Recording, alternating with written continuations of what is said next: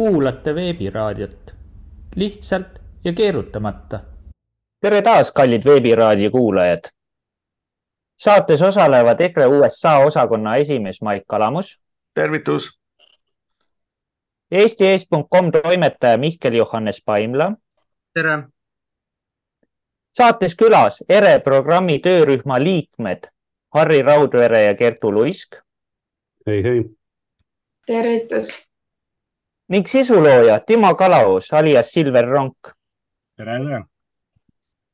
saadet juhin mina, Maarja Maripuu, tuntud sisulooja ja suunamudijana konservatiivne mõtiskleja. siin saates ei esinda me partei seisukohti, vaid avaldame oma isiklikke mõtteid. alustame saatega. nädalaga olen mõned mõtted kirja pannud, mille ma nüüd ka teieni toon ja siin saates läbi arutame. Eesti Vabariik ja kommunistid Nõukogude Liidu lagunemisega ja Eesti Vabariigi taassünniga juhtus selline huvitav asi, et need kommunistid, kes tegelesid ennist Eesti Nõukogude Sotsialistliku Vabariigi juhtimisega, hakkasid sujuvalt juhtima ka noort Eesti Vabariiki. kulisside taga oli ammu teada, et tegelikult NSV laguneb iseseisvateks vabariikideks ning ka kommuniste hakati ette valmistama uusi tekkinud riigikesi juhtima samuti räägitakse, et meie au ja uhkus, laulev revolutsioon oli tegelikult lavastus ja teater rahvale rahumeelseks üleminekuks iseseisvusele ning mille varjus tegelikult kommunistid koheselt ka oma positsioonid valitsuses hõivasid. veel hirmuäratavam jutt, mis nüüdseks on ka minu kõrva liikunud, on see, et NSVL küll lagunes formaalsel kujul, kuid eksisteerib endiselt juriidilisel kujul ning see staatus on endiselt aktiivselt kasutuses naised saunas rääkida, rääkisid, et isegi Kaja Kallasel pidi olema Nõukogude Liidu diplomaatiline pass. kuidas kommenteerite?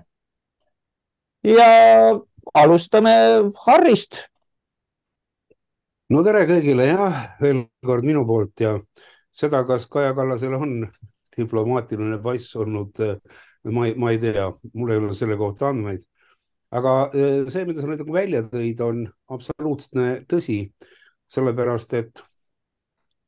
kui Nõukogude Liit lagunes, siis ega ju need inimesed, kes olid tollal tüüri juures, tegid ju kõik selleks, et võtta ohjad ka uues Eesti Vabariigis üle ja, ja hakata siis seda ühiskonda korraldama. ja minu meelest on eriti valus just vaadata, kuidas meie seadusandlus on kujunenud välja nende taktikepi all, sest nad on üritanud ka tuua sotsialistlikke selliseid elemente või rudimente äh, praegusesse vaba Eesti õigusloomesse või õiguskorda. noh, esiteks üks asi puudutab muidugi maa küsimust. kui me seda vaatame, et äh, kasvõi, kasvõi see, et maa kuuluks küll nagu piltlikult inimesele, kodanikule, kuid see, mis on maapõue sees, see kuulub riigile ja äh, selle üle ei taheta anda kontrolli või ei taheta anda omandit üle sellele maavaldajale, sest et eh, tänu sellele on neil võimalik eh, juhtida ühiskonnas eh, protsesse enda meelepärases suunas. no mis puudutab ju otseselt nii maavarade kaevandamist ja, ja minu meelest on Ameerikas asjad ju risti vastupidi, kui me räägime nüüd puhtast demokraatiast, et kui sa ikka omal maal leiad naftat, siis võid olla kindel, et sa oled ka miljonär, et sa saad selle naftaga Eh, teha mis iganes, eks Eestis, Eestis need asjad päris nii ei käi. Ja noh, selliseid analoogilisi eh, nähtusi on, on päris palju ja võiks ütelda, et tänu sellistele võimalustele kujundada ka kapitalistlikus ühiskonnas seadusi oma näo järgi, on kommunistid loonud juba eos olukorra, et nad saavad olla, nii nagu omal ajal öeldi, et ühiskonnas avangard. Nemad teevad, nemad eh, juhivad, suunavad ja praktiliselt eh, nagu midagi muutunud ei ole. et jah, et kui, kui vaadata seda, mis on nagu toimunud ja üldse, mis, mis kommunistidega omal ajal toimus, et eh, inimesed näiteks ei tea seda, et et kommunistlik partei oli olemas ka esimeses Eestis ja kaks, see oli tuhat üheksasada kakskümmend neli, kui nad üritasid teha esimest siis riigipööret. see õnneks see see ebaõnnestus ja paljud läksid kinni selle eest, aga ega see siis veel ei, ei olnud lõpp. et eh, Venemaa siis aktiivselt toetas neid ja lõpuks siis tuhat üheksasada nelikümmend tehti siis juunipööre, millega siis võeti riik üle,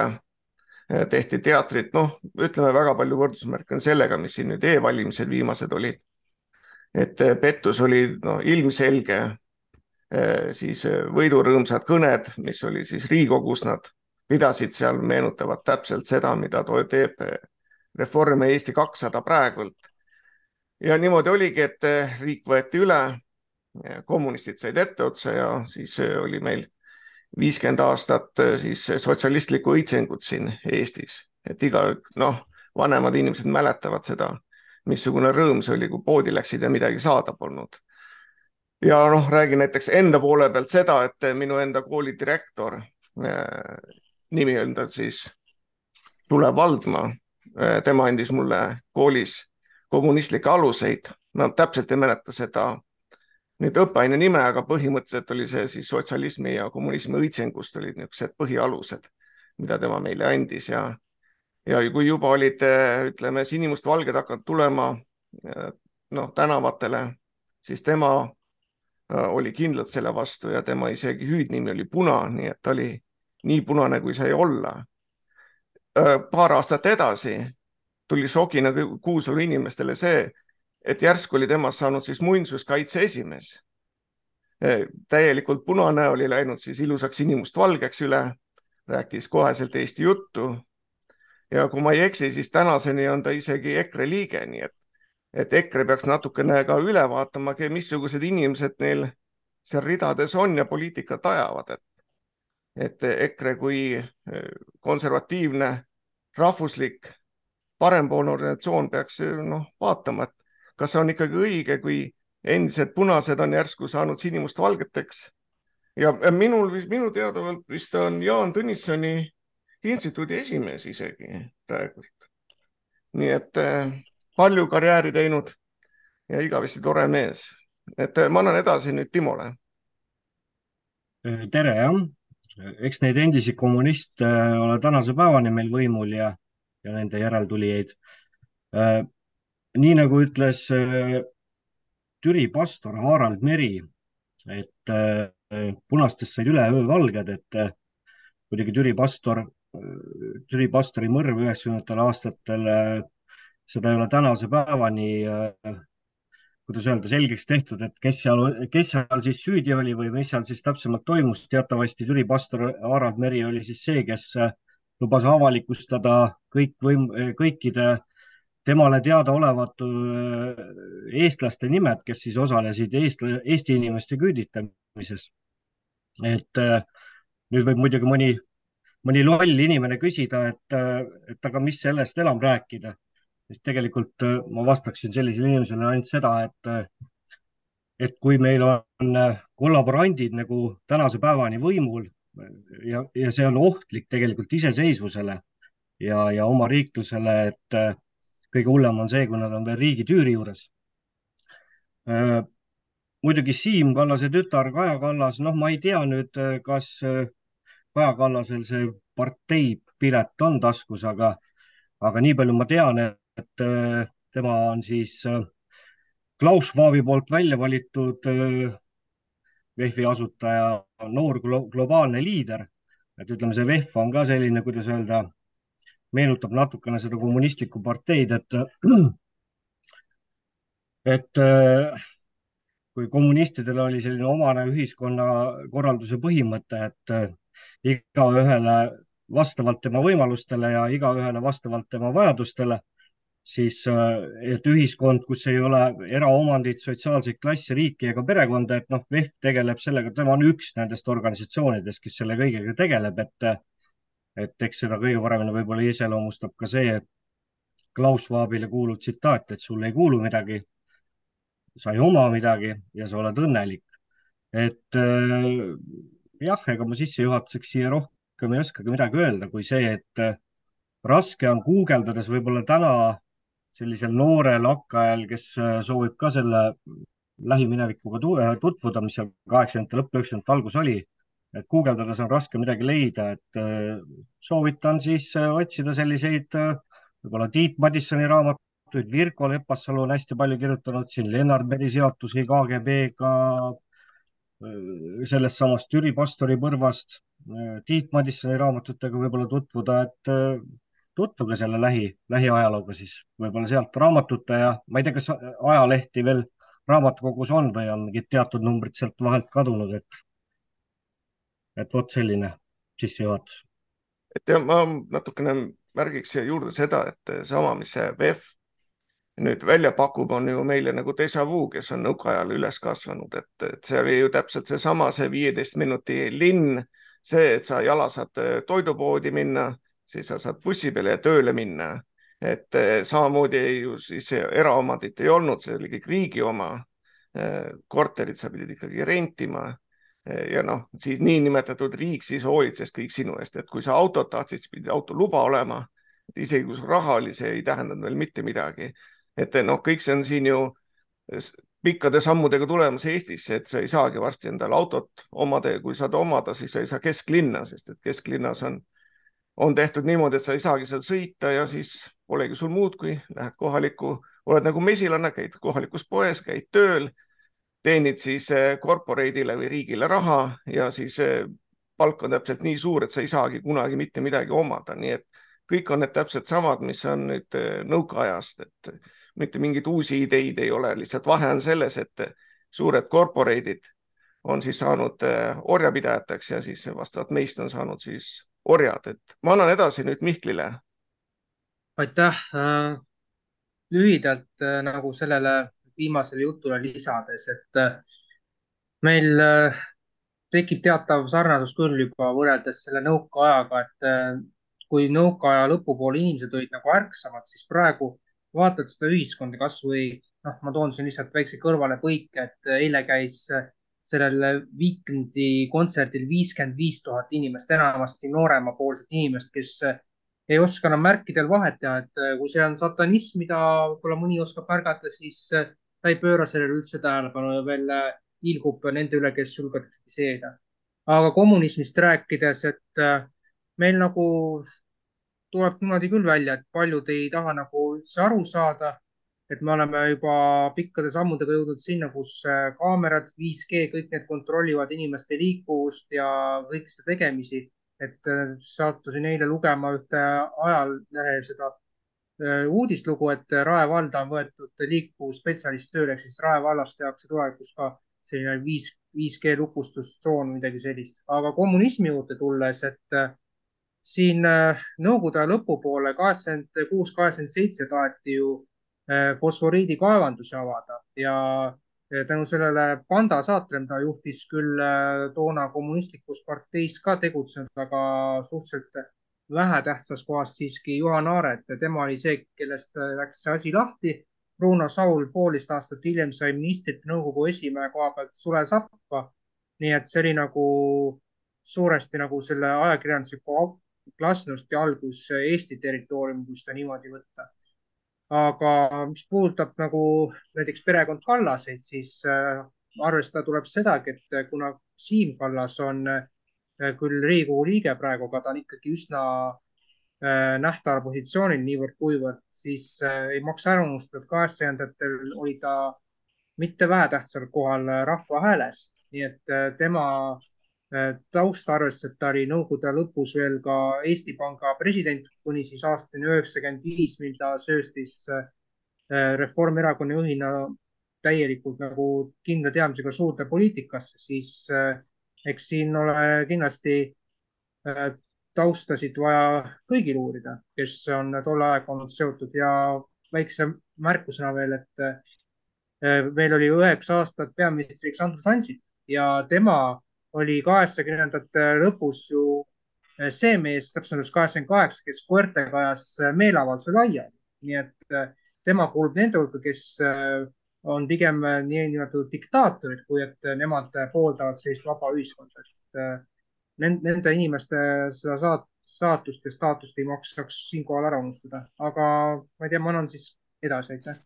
ja ma väikse märkusena ütlen seda, et meil ei ole midagi selle vastu, kui inimesel oli omal ajal siis äh, punane parteipilet taskus, et noh, see oli umbes nagu vaksipass nüüd siin paar aastat tagasi sama põhimõttega. et eh, ikkagi need, kes karjääri tegid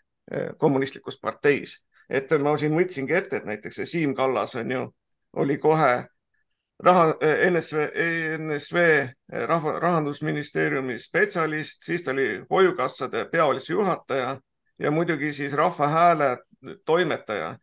noh, mis oli täielikult kommunistide hääletoru, nii et ja jällegi muidugi ühe asja tahtsin ütelda, et ega see propaganda pole lõppenud, sest et esimest korda ju Eestis on nüüd ju jällegi propagandaministeerium, mille, nimeks on kliima, aga noh, see on puhtalt ju punaste propagandaministeerium, nii et jällegi ringiga kõik tagasi, et ma annan edasi Kertule. ja aitäh, huvitav on olnud kuulata, et äh, ma hakkasin ise selle peale mõtlema, et äh, nendel igasugu ühiskonna nende nii-öelda pidamisvormidel, kõigil on mingid omad plussid-miinused, siis ma hakkasin mõtlema, et aga mis see ideaal on. ja ma ise jõudsin sellesse punkti, et see ideaal peaks olema, et saate siis aru, kui teid juhivad, et seda tsentrit juhivad õiged inimesed, kui nad keskenduvad äh, inimeste äh, isiklikule võimekusele toime tulla, et ongi iseseisev majandamine, kogukondlik majandamine et äh, mingi hetk, kui siin hakkas see kogukondade teema pihta, siis leidis aset selline huvitav moment, et riigi poolt tuli pakkumine, et nad äh, palk, riik maksab kinni selle kogukonna koordinaatori palga. Ehk siis natuke lastakse teha tänasel päeval veel, aga nad juba nagu püüavad kellegi sealt enda palgale, et siis neil oleks kogu info ja ikkagi see oleks kuidagi selline kuskilt poolt hallatav, mõjutatav. Äh, ja praegu ma näen ka, et öeldakse, et kuidagi klassid kaovad ära, et see peaks nagu midagi positiivset ju olema. aga mina näen, et tegelikult on just õige, kes rohkem pingutab, rohkem vaeva näeb, rohkem soovib, et tal olekski võimalus rohkem äh, ennast teostada. ja tänasel päeval, kus kõik väikeettevõtlus suretatakse ära erinevate kriisidega, äh, need igasugu katkud, Covid äh, ja nüüd see muidugi sõja nuumamise teema ja sellega kaasnevad kõrgemad maksud et need klassid kaovad küll ära, aga tegelikult see ei ole selle jaoks, et siis oleks kõigil võrdselt hea, vaid et võrdselt kõigil nii halb, aga kellegi ja nende hea siis läheb kuskile nende kätesse, kes seda keskelt äh, siis dirigeerivad. ja siis mulle tundubki, et äh, mis iganes on see riigikord on, et tüübid võivadki minna ühest riigikorrast teise, panna uue maski ette, aga äh, selle kõige sees peab muutuma kogu selle süsteemi eesmärk ja see peab olema suunatud sellele, et inimesed saaksid iseseisvalt hakkama, sest kui see riigikord peaks muutuma, sinna tuleb uus ja keegi võib-olla et äh, halvemate plaanidega, et siis oleks välistatud see, et kogu see kupatus, see kokku kokku põimitud riik pööratakse kuskile jamasse, nagu täna meiega tehakse, sest inimestel ei ole enam võimekust end ise ära majandada, nad ongi sõltuvad poodidest, suurkorporatsioonidest, äh, väga paljud ka riiklikest toetustest ja ja see, see ei ole väga hea väljavaade. aitäh, annan sõna edasi Harrile. aitäh. tähendab, kui me nüüd vaatame, siis jah, ütlesite väga õigesti, et kommunistid on ju, ju äh, ruulinud ja kogu aeg dikteerinud äh, praktiliselt meie meie riigi käekäiku. ma siin võtan, vaatan näiteks väga huvitav on vaadata vanu ajalehti, need on hästi õpetlikud ja, ja ülevaatlikud ja ma ei tea, kui paljud näiteks nooremast generatsioonist inimesed on sellega tegelenud. aga noh, ma, mul on siin praegu ees neljakümnenda aasta seitsmenda augusti Saaremaa leht Meie maa, eks. ja no muidugi seal öeldakse, et elagu Nõukogude rahvas ja, ja see võeti vastu nüüd suur, suur äh,, suur, suur selline noh, otsus, et Eesti astus Nõukogude Liitu ja loeme siit suure pealkirjaga, et suured, äh, need suured pidustused ja jubeldused kogu riigis. tähendab, äh, no võime ütelda niimoodi, et ega siis ilma meie enda Eesti kommunistideta või nende otsese lobitöö tulemusena või, või noh, ma ei tea isegi, kas see nüüd ju päris lobitöö oli aga nende osavõtuta ei oleks me ka ju astunud Nõukogude Liidu rahvaste vennalikku perre. tähendab, ükskõik, eh, kuidas me seda võime nüüd vaadata või mismoodi tagantjärgi tõlgendada või, või ajaloole hinnangut anda, siis eh, läbi aegade on olnud ju meie enda kommunistid need, kes on ju sõna otseses mõttes pugenud sellele võimule, lootes saada, eh, saada ise kannuseid teenida ja, ja noh, küsimus on selles, et, et kas need inimesed ongi olnud just kõige adekvaatsemad või tublimad et nad oleksid seda suutnud teha nii, nagu Eesti rahval ja riigil tegelikult vaja oleks. no ma ei usu kindlasti mitte, sellepärast et kasvõi seesama Nõukogude ideoloogia, mis omal ajal ja mis ka muidugi, mille, mille mõjud on ka tänapäeval väga tunda, mida ta ju siis tegelikult tegi, ega siis ta, hakkasid ju hävitama Eesti äh, rahvast just nimelt selles suhtes, et hävitati ära intelligents, kultuur, kõik, kõik need, kellel oleks olnud võimalik või teoreetiline võimalik vastu astuda sellele ideoloogilisele hullusele, mida siis eh, Nõukogude eh, Venemaa siia Eestisse tegelikult tooma tuli. ja, ja kui me nüüd vaatame nendest isikutest, noh, ütleme väga paljud, kes kes osalesid Eesti astumisel Nõukogude Liitu, on täna läinud manala teele ja, ja ma ei ütleks, et neil oleks see muld kerge pööraku neli-viis korda ennast ringi. see on nagu nende probleem, aga just selline tolle hetkel nagu noore põlvkond ja, ja mulle väga, väga on meelde jäänud see erastamise protsess, kui Eestis suur ühiskondlik varra pidi äkki lenda, leidma ühel hetkel uued omanikud ja, ja siis me noh tõdesime, kuidas meie kommunistid meie ekskommunistid olid siis esirinnas ja noh, ma toon teile konkreetse näite, et mitte rääkida nii, samuti oli selline suur komsomoli tegelane nagu Indrek Toome ja, ja noh, Indrek Toome afäärid elamislubade või viisate, minu arust elamislubade selle hankimisega, terve Viru hotelli maha noh, nagu müümisega või, või edasi välja kantimisega. no selliseid protsesse on olnud väga palju ja teisigi ja noh, kui nüüd räägid, et, et kuidas meie kommunistid või, või on praegugi võimu juures, noh, toon teile elus näite, meie Riigikogu aseesimees, näiteks Toomas Kivimägi, eh, partorg Reformierakonnas, noh, ta, ta ei olnud ju kirjade järgi partorg, ta oli võib-olla esimehe asetäitja juriidilistes küsimustes, aga mis olid nõukogude ajal juriidilised küsimused, said eksisteerida ainult äh, ideoloogiale tulginevad suunad, mida siis pidi kolhoosi esimesse ellu viima ja see partorg oli ta nagu kubjas kukil, vaatas, et parteiliinist kõrvale ei kalduta. ja kui nüüd sellised inimesed täna juhivad praktiliselt Eesti riigi õigusloomet, seaduse vastuvõtmist, löövad haamriga laua peale, ütlevad, et teie teie konservatiivid, pange oma suud kinni, sellepärast et meil liberalistidel on õigus ja, ja võimalused oma, oma elu siin korraldada ja seadusi vastu võtta. no kas see ei ole siis, kas see ei ole veel siis kõige ilmekam näide, kuhu me oma riigiga jõudnud oleme? nii et noh, praktiliselt eh, meil on nendele kommunistidele Eesti riigis tekkinud riiklik kapitalism sest kõikides strateegilistes valdkondades on need isikud tekitanud äh, ringkäenduse ja täna nad on täiesti rahulikult, rahumeeli võin öelda, et nad on endale allutanud ka Eesti mitte ainult ka seadusandlusega või selle, vaid ka õiguskaitseorganid, see on ühelt poolt ja teiselt poolt ka terve kohtusüsteemi kuni Riigikohtuni välja nii et äh, võime öelda, et, et ka Riigikohus ei mõista täna paljudel juhtudel õigust, vaid toetab sedasama kommunistide poolt loodud ideoloogilist suunda, mis tähendab seda, et iga kodanik, kes üritab ka minna oma õigusi nõudma, oma põhiseaduslikke õigusi nõudma või kaitsma kohtus ja jõuab sinna, sinna välja, siis paratamatult väga suurel hulgal äh, juhtudest lõpeb asi sellega, et süsteem võidab inimest, olenemata sellel, et inimesel on nii õiguslikult kui ka õigu, õiguslikult noh, niimoodi õigus siin, siin meie, meie õigusruumis. et üks, ühelt poolt on õiglus ja õigus, aga kui see kodanik omab neid mõlemaid ja Riigikohus teeb kardinaalselt risti vastupidise otsuse, õigustades süsteemi, no siis on midagi väga-väga vale ja me oleme väga kaugele jõudnud. ja minu meelest on masendav see, et ega meie inimesed, meie inimesed ei saa nendest asjadest aru. ja, ja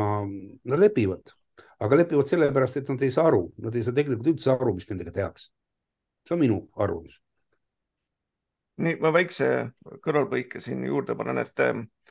nagu paljud teavad, ma olin Heritage Foundationi akadeemias ja seal on erinevaid paljusid kontakte ja räägin siis väiksest kõmu uudisest, nii et ärge siis otseselt mind süüdistage ja kohtusse andke. aga kõmu uudis on selline, et selline inimene nagu Andres Anvelt tema oli siis ennem Tallinna miilitsa erikoolis, siis peale seda ta oli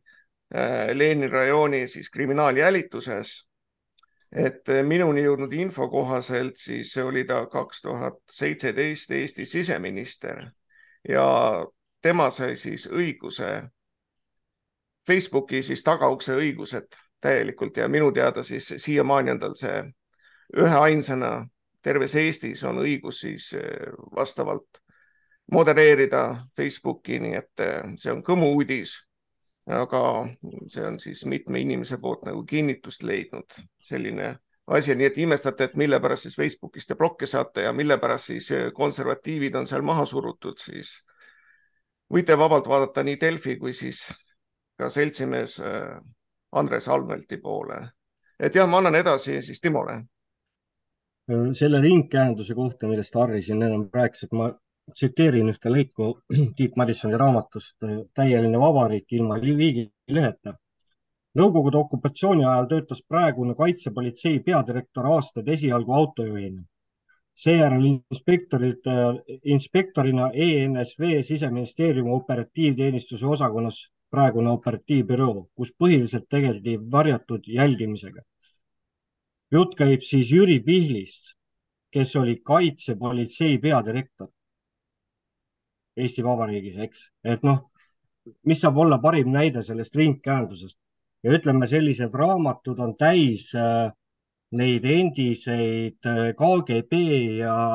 ja kommunistliku partei äh, funktsionääride nimesid, kes noh, kes täna elab veel,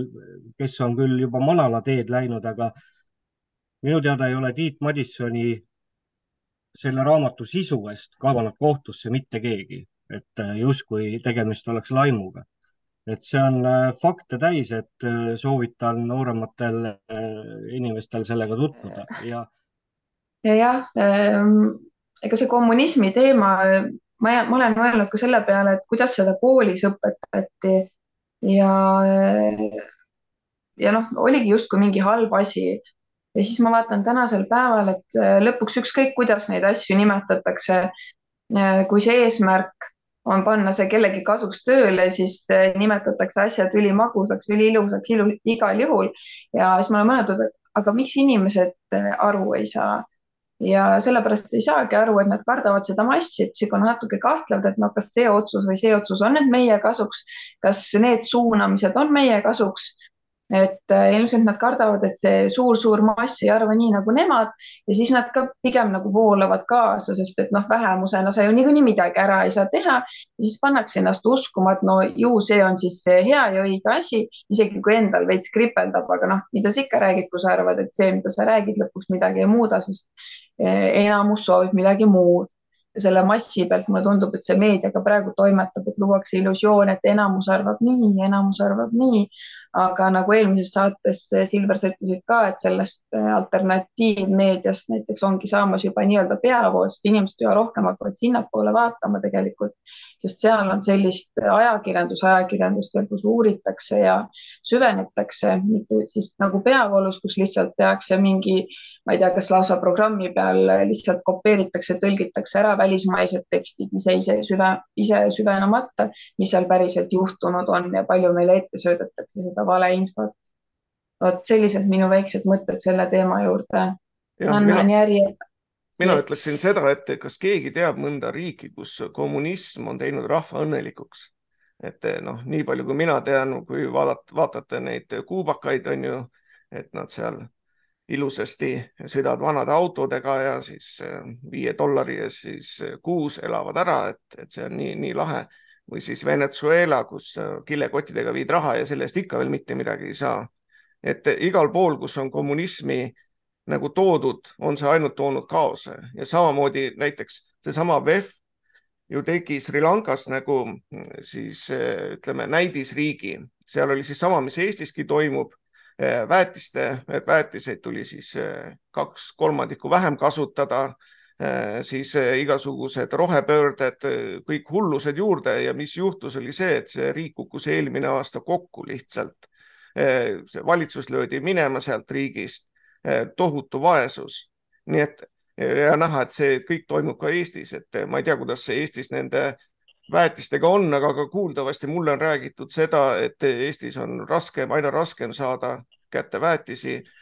Veele on mingisugused arusaamatud piirangud pandud, nagu Eesti oleks mingi kõrberiik. et kõik tuleb suurte sammudega, seesama kommunism ja, ja tundub, et paljudele see meeldibki, et jah, ma annan edasi nüüd Harrile. no nii, noh, Kuuba on ju muidugi arvestades sellega, mida ameeriklased Kuubaga tegid või, või kuidas nad seda Kuubat blokeerisid, on see nagu veidikene eristaatuses, sest ega neil seal midagi muud paremat teha ei olnud. Kui nad eh, ju lõigati ära ainuke sõber, kes siis Kuubal oli, oli tollel ajal võib-olla tõesti Nicaragua ja, ja Nõukogude Liit. aga noh, arvestades eh, Ameerika üldist poliitikat, siis eh, seal lääne poolkeral ei oleks tohtinud olla mitte ükski teine riik majandada või, või dikteerida peale nende enda. no aga vot, see on omaette küsimus, aga vot mul, mul lõikas kõrva, Kertu ütles, et klassid tahetakse ära kaotada, siis ükskõik, kuidas me seda formuleerime või kuidas me seda iseenda jaoks lahti mõtestame, siis klassikalises mõttes klasse ära kaotada kui selliseid ei ole võimalik. sellepärast, et jaotati ju klassid selleks, et olid, olid ju töötajad ja olid ekspluataatorid ja, ja kui me nüüd tuleme selle juurde välja, siis iga tööandja, kes annab inimestele tööd või loeb töökohti, on selles klassikalises mõistes ekspluataator, bursui, selle, no mitte just päris otse, aga jah, see ja, ja nende taotlused või eesmärgid on täiesti teistsugused, sest äh, omanik tahab saada omanikutulu ja et seda omanikutulu saada, ta paratamatult ekspluateerib äh, inimesi. ja, ja nendel inimestel on jälle soov saada hästi palju palka ja väga hästi elada. Ja vot siin tekivadki need lepitamatud vastuolud, kus ühed tahavad, ühed tahavad ühte, teised tahavad teist ja sellel kokku leppida on, on häbematult raske ja kui üritataksegi mingisugune üldine sotsiaalne kokkulepe saavutada, siis paratamatult lõpuks läheb see asi ikkagi eh, lörri, sest eh, majanduslikud hoovad hakkavad eh, toimima ja tegema nagu oma tööd. no näiteks, näiteks kasvõi selles suhtes, et me nüüd võtame kätte ja kehtestame või suurendame või tõstame miinimumpalka, palka ametlikult seaduslikult. Ja, ja me teame kõik, et selle miinimumpalga ja selle keskmise palgaga, mis siis tähendab üles haibitakse, on otseselt seadusandjate palk on sellega ju korrelatsioonis. ja kui ta on korrelatsioonis, siis on paratamatult selge, et, et nad on huvitatud selle palga üleshaipimisest, praktiliselt tekitatakse tööandjale surve sest tööandjal peaks olema ikkagi endal sada protsenti õigus otsustada, kui ta tahab, kui ta tahab teenida ka normaalset kasumit, sellepärast et kui ta ei maksa oma töötajatele normaalset palka, siis need töötajad otsivad teise kuu, koha, kuhu tööle minna. Ja paratamatult on ta nii või teisiti kapitalistina noh, läbi põlenud. Ja, ja e, seda enam, seda enam, kui veel inimestel on vaba liikumise võimalus ja, ja leida paremaid kohti tööks, siis no seda me näeme ju, kuidas eestlased Eesti riigis täna ju jalga lasevad ja, ja e, on võimalik, on võimalik tekitada sotsiaalsed absoluutselt õiglased süsteemid, aga see tähendab seda, et neid ei saa luua kommunistide mõistes keeldude ega käskudega, nii nagu nad omal ajal ju üritasid majandust korraldada sellega, et kogu maa natsionaliseeriti. Isegi see oli juba kulak, kellel oli juba viljapeksumasin või mingisugune muu mootoriga töötav agregaat, kes kasutas sulaseid või teiste inimeste tööjõudu. Eh, paratamatult eh, need inimesed ju ühiskonna poolt represseeriti. Ja, ja eh,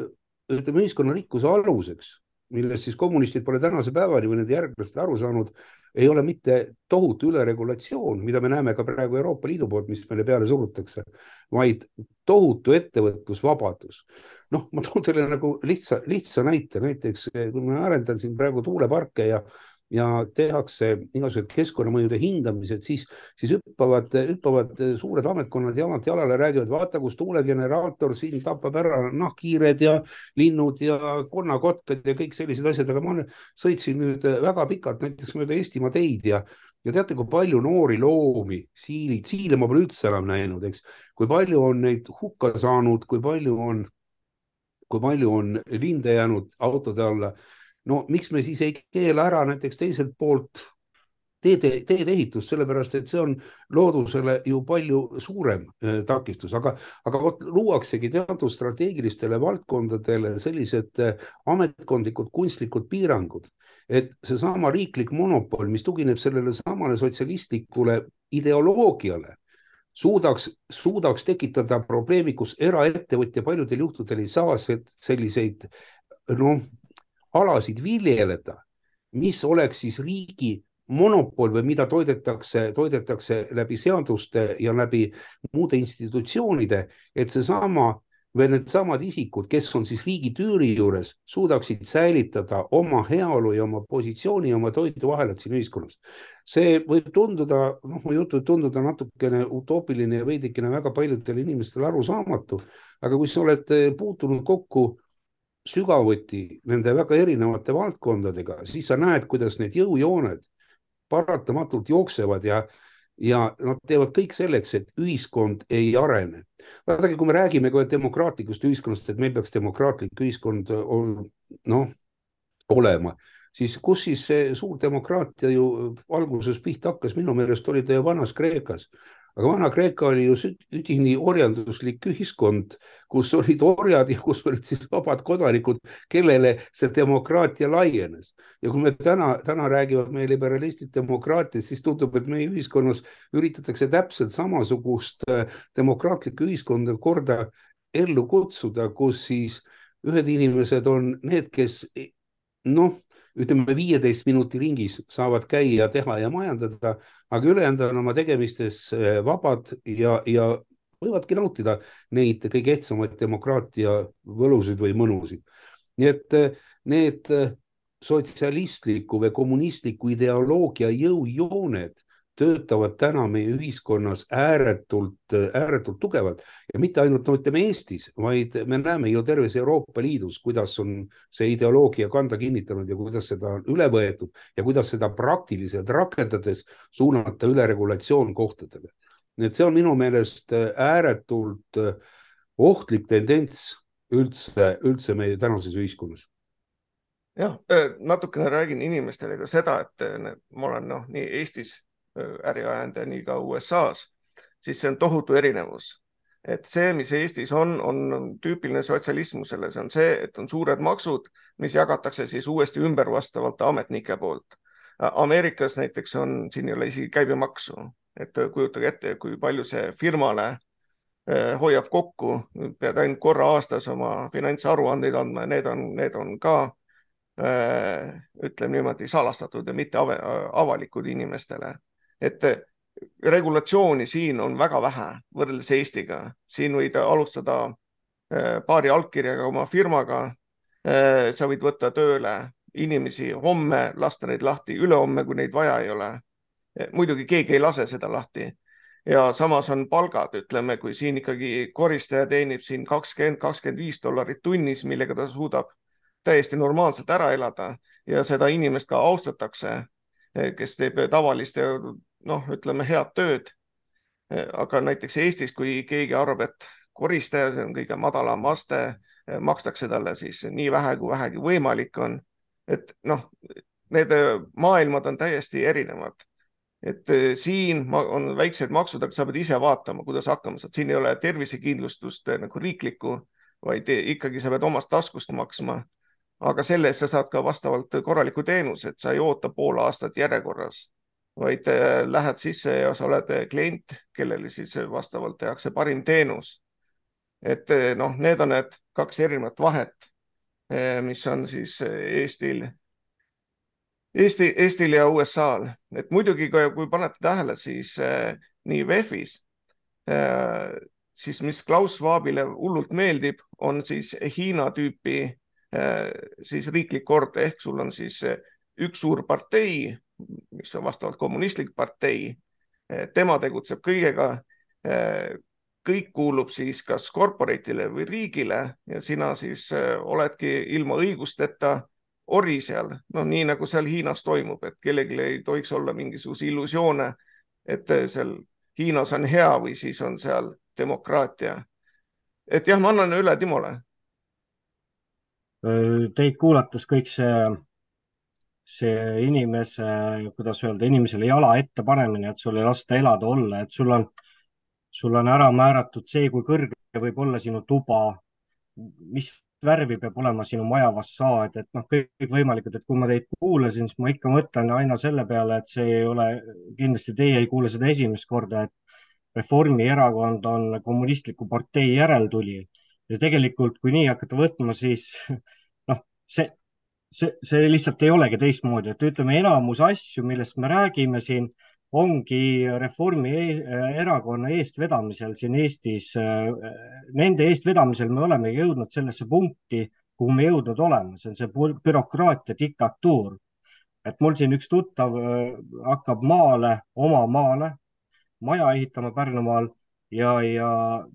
ta on neli kuud seda asja ajanud, tal on viis-kuus tuhat kulunud, ta ei ole veel koppagi maasse äh, saanud, ta on kirjutanud, kõik projektid on tehtud, kooskõlastamisel saadetud, viimane kord saadeti tagasi sellepärast, et ta peab oma maale tegema tuletõrje veevõtukoha mingisuguse mahuti maa sisse kaevama, eks, ja, ja muidugi see peab vastama kõikvõimalikele tingimustele ja nii edasi ja nii edasi. mu enda näide, kus mul oli Järvamaal oli krunt, ma tahtsin majast välja viia elektrikapi,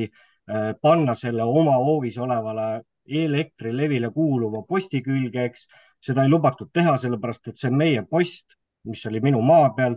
aga, ja, ja sa pead sinna panema meie kasti, kuigi ma saan selle kasti kaks korda odavamalt ise, kui ma, kui ma natukene otsin, onju. et seda bürokraatiat on nii palju ja tegelikult see on lollus ja, ja, ja see on, see on see,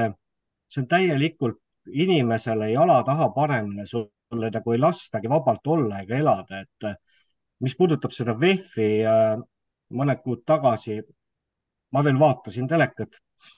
oli üks selline saade nagu Ringvaade et äh, seal käis külas Kersti Kaljulaid, see oli jälle mingisugune VEF-i tippkohtumine oli siis toimunud ja Kersti äh, ka kenasti võttis sellest osa ja, ja neiuke nooruke, kes teda siis intervjueeris, kuidas ta ütles, et äh, sõna-sõnalt ei mäleta, aga noh, te nüüd käisite seal, kus olid maailma liidrid koos. kelle jaoks nad liidrid on, mida tähendab üldse sõna liider? eks, eliit, mis on selle sõna taha eliit?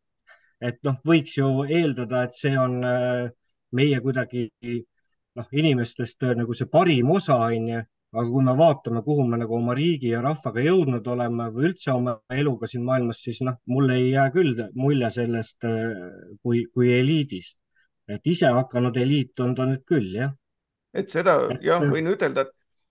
inimesed näiteks, neil on illusioon, nad arvavad, Eestis on demokraatia, et nad siis käivad valimistel, valivad kedagi, siis vastavalt siis need lauljad või siis koomikud on siis nende siis esindusinimesed seal Riigikogus. et tehke silmad lahti vaadake, et tegelikkuses valitsevad Eestit ja üldse ka teisi riike, ka, ka ütleme Euroopa Liitu, need inimesed, keda keegi pole kunagi valinud. näiteks seesama VEF WEF-i, see on siis äh, World Economic Forum, et seal käivad koos siis äriliidrid, äh, korporatsioonide suured tegijad, neid pole keegi sinna valinud. samamoodi United Nation, samamoodi pole keegi neid sinna valinud, samamoodi World Health Organization, seal on ainult ärimehed ja poliitikud, mitte ühtegi arsti seal pole. ja siis nemad annavad meile ette siis, mida me peame täitma et, et see asi käib hoopis teistpidiselt, mitte alt üles, vaid ülevalt alla ja siis vastavalt need marionetid, kes seal Riigikogus on, siis võtavad vastu neid seadusi ja teevad täpselt nii, nagu on vaja. jah, Timo? ma tahtsin mainida siia juurde veel Bilderbergide grupi, kus käis siis meie riiki esinemas Jüri Ratas. jah, ega. anname üle Kertule. ja Äh,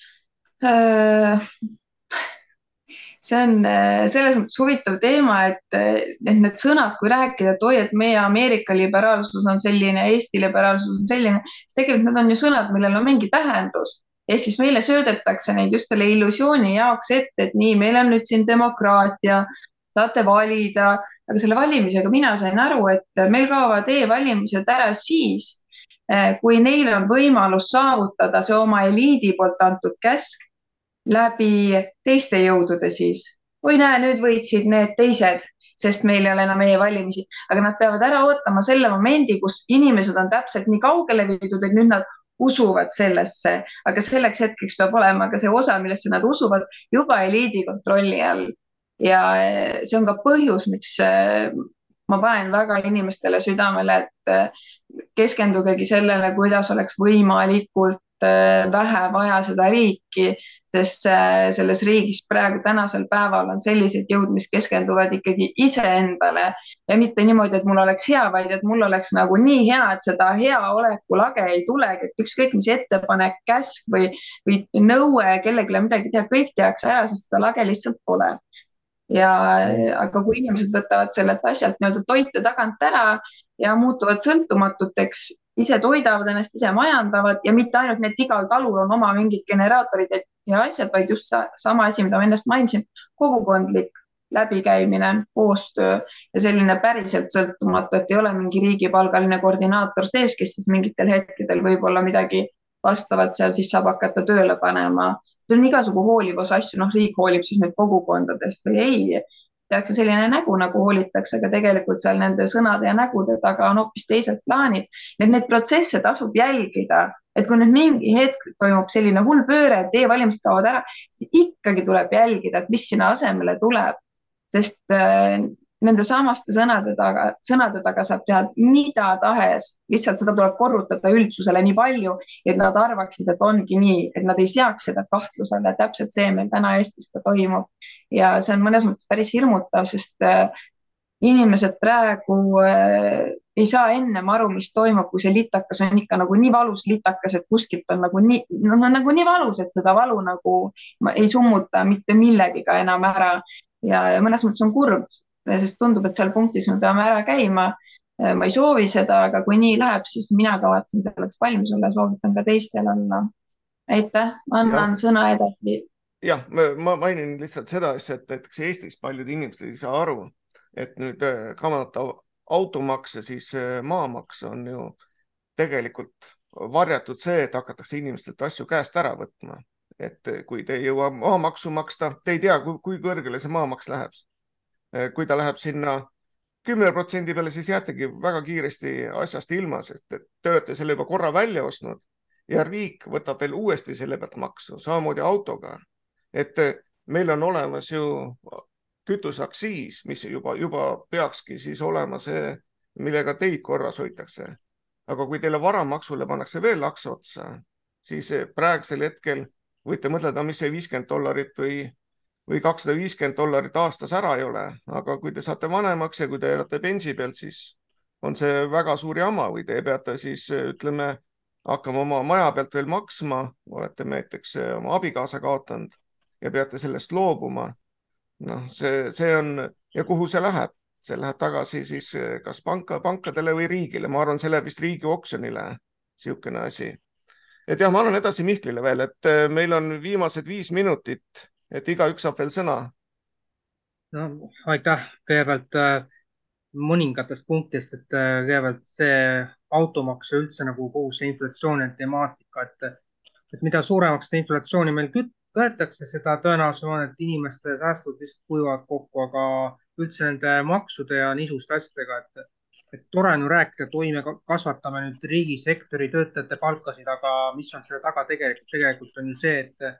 ka need äh, niinimetatud mitte valitud juhid, ma nimetaks niimoodi, et nemad ju saavad oma palgatõusu ka juurde. Ja noh, selle tulemusena nad veel julgevad öelda, et oi, aga meil on sellest vähe, et me ei ole nõus oma palkasid kärpima solidaarselt äh, nende inimestega, kes erasektoris ei saa nagu sellist palgatõusu lubada. Ja siit äh, tekibki tõsine veelahe ja ma arvan seda, et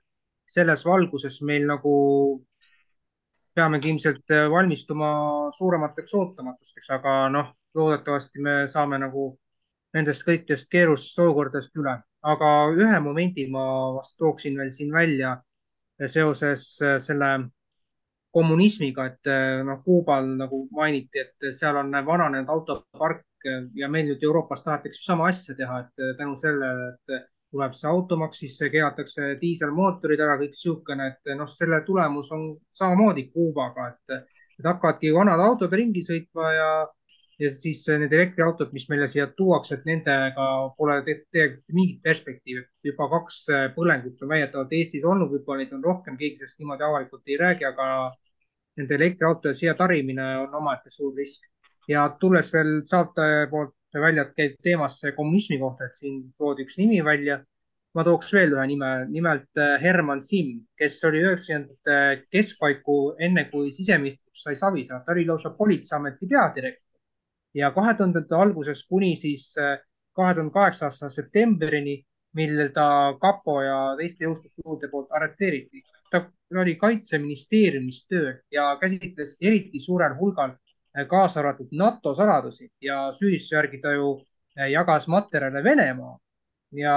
selle kõige tulemusena talle määrati kaheteist aasta pikkune vangistus, millest tõsi, ta kaks tuhat üheksateist vabastati vanglast ja tingimisi jäi ta järelevalve alla kahe tuhande kahekümne esimese aastani. nii et neid inimesi, kes on otseselt nagu eh, ütleme, Vene luure huvialas või niimoodi, et neid nagu siin Eestis eh, endiste kommunistide seas eh, jätkub ja üks väike remark veel, et Herman Simm oli ju kuuldavasti see inimene, kes aitas Interrinde omadel tuhat üheksasada üheksakümmend viieteistkümnendal mail sisse pääseda Toompea lossi sisehoovi, nii et äh, selle taustal on tema karjäär ikka erakordselt hämmastav, aga ma annakski nüüd siinkohal üle, aitäh. ja anname veel Harile sõna.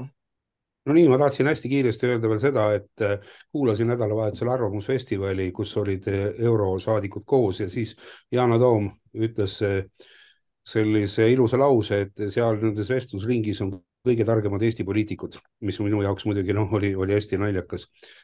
Mis puudutab nüüd näiteks ehitusmäärust või või sellised, et me ei saa ehitada ja see bürokraatia diktatuur ruulib, siis on täiesti selge, et mitte ükski bürokraatia diktatuur ei saaks eksisteerida sellisel viisil või moel, kui tal ei oleks poliitilist seljatagust, et see on nagu täiesti selge. ja kõikidele nendele ehitusmäärustele, mis on siis üle reguleeritud, on ju praktiliselt sisse kirjutatud sulaselgelt vaesus. ma olen ka öelnud niimoodi, et Kuressaare loss oleks jäänud täiesti ehitamata, kui meil oleks eksisteerinud tollel ajal selline, selline ehitusmäärus, nii nagu meil äh, täna on vastu võetud. ja mis puudutab Kuuba masinaid, siis ma olen Kuubas käinud, sõitnud nende, nende imeliste vanade masinatega, ma võin öelda, et nad on nii ära tuunitud, et, et väljast on ta vot selline, aga tal on kõige uhkemad mootorid, kõige vingemad äh, süsteemid on peal, mis kõik töötavad, nüüd see on käsitlematu. et noh, vaatad küll, et vana risu, aga kõik nad naeravad pihku, ütlevad, et tegelikult meil on autod palju modernsemad, kui teie seal Euroopas sõidate. see võib tunduda groteskne, aga, aga tegelikult on see täpselt niimoodi ja, ja ega ma siis muud ei oskagi, ei tahakski rohkem öelda, et, et aga eh, et saada sellest bürokraatia diktatuurist lahti, see on väga lihtne, see on ainult üks ainukene väga lihtne, rahvas peab võtma tegelikult võimu riigis. täpselt ja Timo. jah, need uuskommunistid hoolivad, hoolivad nii, et nad hoolivad, et sul oleks lapp näos, et sul oleks süst õlas millises majas sa elad, kui kõrge on su tuba, millise autoga sa sõidad ja nii edasi ja nii edasi, aga see uus kommunist ei tule sinu koju ja ei vaata, kas sul külmkapis süüa on. vot nii palju ta sinust ei hooli. ja ütleme, kui ma, ma, ma kuulasin teile, mul tuli meelde see äh, veel lahendamatu kuritegu Eestis, mis kaks aastat oli, see nii-öelda koroona pandeemia, pandeemia et tegelikult see kuritegu on senimaani äh,, kuidas öelda, menetlemata, aga selle kuriteo eestvedajad või kaasosalised või, või selle kuriteo toimepanijad on täna, on täna valitsuses ja Riigikogus. et äh, sellistest asjadest jah, et äh, vaata, tuleb meelde Karmen Joller, kes ka on selline, kuidas öelda, eeshoolija eest ja tagant hooli ja ikka jälle see süstinali ja see äh, äh, lapinali ja nii edasi. aga, aga ta ei, ta ei ole kordagi minu arust sõna võtnud see, sellel teemal, mida põld, mida, mida meie põldudele, kui palju mürki pritsitakse, mis on, mis on selle tagajärjel, kuidas inimesed on haigeks jäänud, kui palju, et vot, vot see topeltmoraal ja, ja uuskommunistide hoolimine, see teeb tigedaks Kertu. ja ma jätkan natuke Timo mõtet siit, see topeltmoraaliga seoses, mul tuleb ette see, kuidas on ka mingid riiklikud tähtpäevad, siuksed mälestuspäevad, siis äh, minnakse pärgadega ja kenasti riides äh, haudadele kalmi, äh, neid mälestusmärkide juurde ja ma ei suuda vaadata emotsioonita neid pilte, sest ma vaatan, et need on needsamad mehed, kes sel hetkel mõistavad hukka mingeid inimesi mingite otsuste eest, et näed, nüüd mälestame, sest keegi kuskil on süüdi, aga kui nendele tüüpidele anda sama käsk ette, Nad teeks neid samu asju, aga nüüd nemad mõistavad kohut, mõistavad kohut, oi kui halvasti ikka tehti ja meie siin mälestame, meie siin hoolime. et see hoolimise sõna on järele ürtatud, et vahest tahaks nagu ütled kellelegi siiralt sõna ma hoolin ja siis see kõlab peas juba, see hoolimine, see on ju see asi, millega manipuleeritakse inimesi ära andma seda usaldust, tekitama seda sidet, et ja sina võid mu eest hoolitseda, sest sa ju hoolid, noh tegelikult meid selja, meid selja tagant lüpstakse nii, et ma vahest ei saa isegi aru, et, et kas, kas need inimesed, kes seda riiki niimoodi kuristikku ajavad, kas nad on ebapädevad, noh, kuidagi ära sokutatud on ju omade poolt, et sa ei peagi olema tark, sa pead olema kergesti juhitav. kas asi on selles või siis neil lihtsalt ongi ees niisugune skript, et ja nüüd kõik keerate tuksi teie tagala on kindlustatud, teil läheb kõik pärast äh, kenasti, aga vaata selle rahva siin te lihtsalt keerate täiesti nägupidi mutta ja siis nad mõtlevad, noh, loll näeb täitsa välja pärast neid rumalaid asju teha, aga noh, see isiklik kasu ja mina saan päästetud, kui ma kaasa ei tee, siis mina olen seal mudas pärast, aga ma teen kaasa, siis ma olen pärast haljal oksal. noh, ja siis tuleb mingi teine olukord ja keeratakse teine nägu ette ja räägitakse teist juttu ja täpselt nii nagu parasjagu kasulik on. ja sellepärast tulebki inimestel hakata number üks iseendast hoolima, et keegi teine ei hakkaks seda teie, teie peal tegema. vot aitäh, selle mõttega lõpetan. jah, ja ainult Maarja... nii palju ütleksin, ma ainult nii palju ütleks selle monumentide juurde käimised, ma, minu arust on ka see hästi tülga, tülgastav ja Kertu, paneme tähele, et ega seal ei käi tavaliselt, selle monumentide juures pärga panemas ei käi inimesed. Nad alustavad oma kõnet EKRE, Keskerakond, saad aru, nad räägivad, nad, nad esimesena mainivad ära mitte enda nime, nad, nad justkui ei ole inimesed, nad kuuluvad kuskile, nad määravad ära selle, kuhu nad kuuluvad ja siis käivad oma pärgadega liputamas seal, et nelja aasta pärast jumala eest meelest ära ei läheks meiesuguseid rahvuslasi valida. et see on minu lõputsitaat. jah, ja anname siis Maarjale viimased siis saatesõnad ja aitäh, aitäh, et ma nõustun täielikult äh, saates osalejate mõtetega. Ja selle saate teen veits eriliseks ka, et äh, ütlen välja ka siis äh, me ei allu ühelegi diktatuurile ning usume sõnavabadusse. Ehk siis pusa annan välja. Ja selle pusa ma annan välja siis inimesele kes on äh, eestlaste jaoks avanud nii-öelda infoakna, sest äh, nagu me kõik teame, siis kommunistid, meie uuskommunistid äh, jälgivad täpselt seda, mida me peame kuulma ja nägema. Ja, ja, ja see inimene tõlgib ära välisuudiseid Eesti inimeste jaoks ja see on Taivo Sepp, palju õnne, Taivo Sepp, et sa oled oled pusa omanik ja nii-öelda ma premeerin sind selle tehtud töö ja vaeva eest selle pusaga. ja see ongi kõik. et äh, aitäh, kallid kuulajad, et meid kuulasite ja vaatasite ning järgmine kord jälle taas uute teemadega teiega. aitäh ja nägemist. nägemist. aitäh, nägemist. Kuulasite veebiraadiot. külastage kindlasti ka meie uudisteportaali www.eestieest.com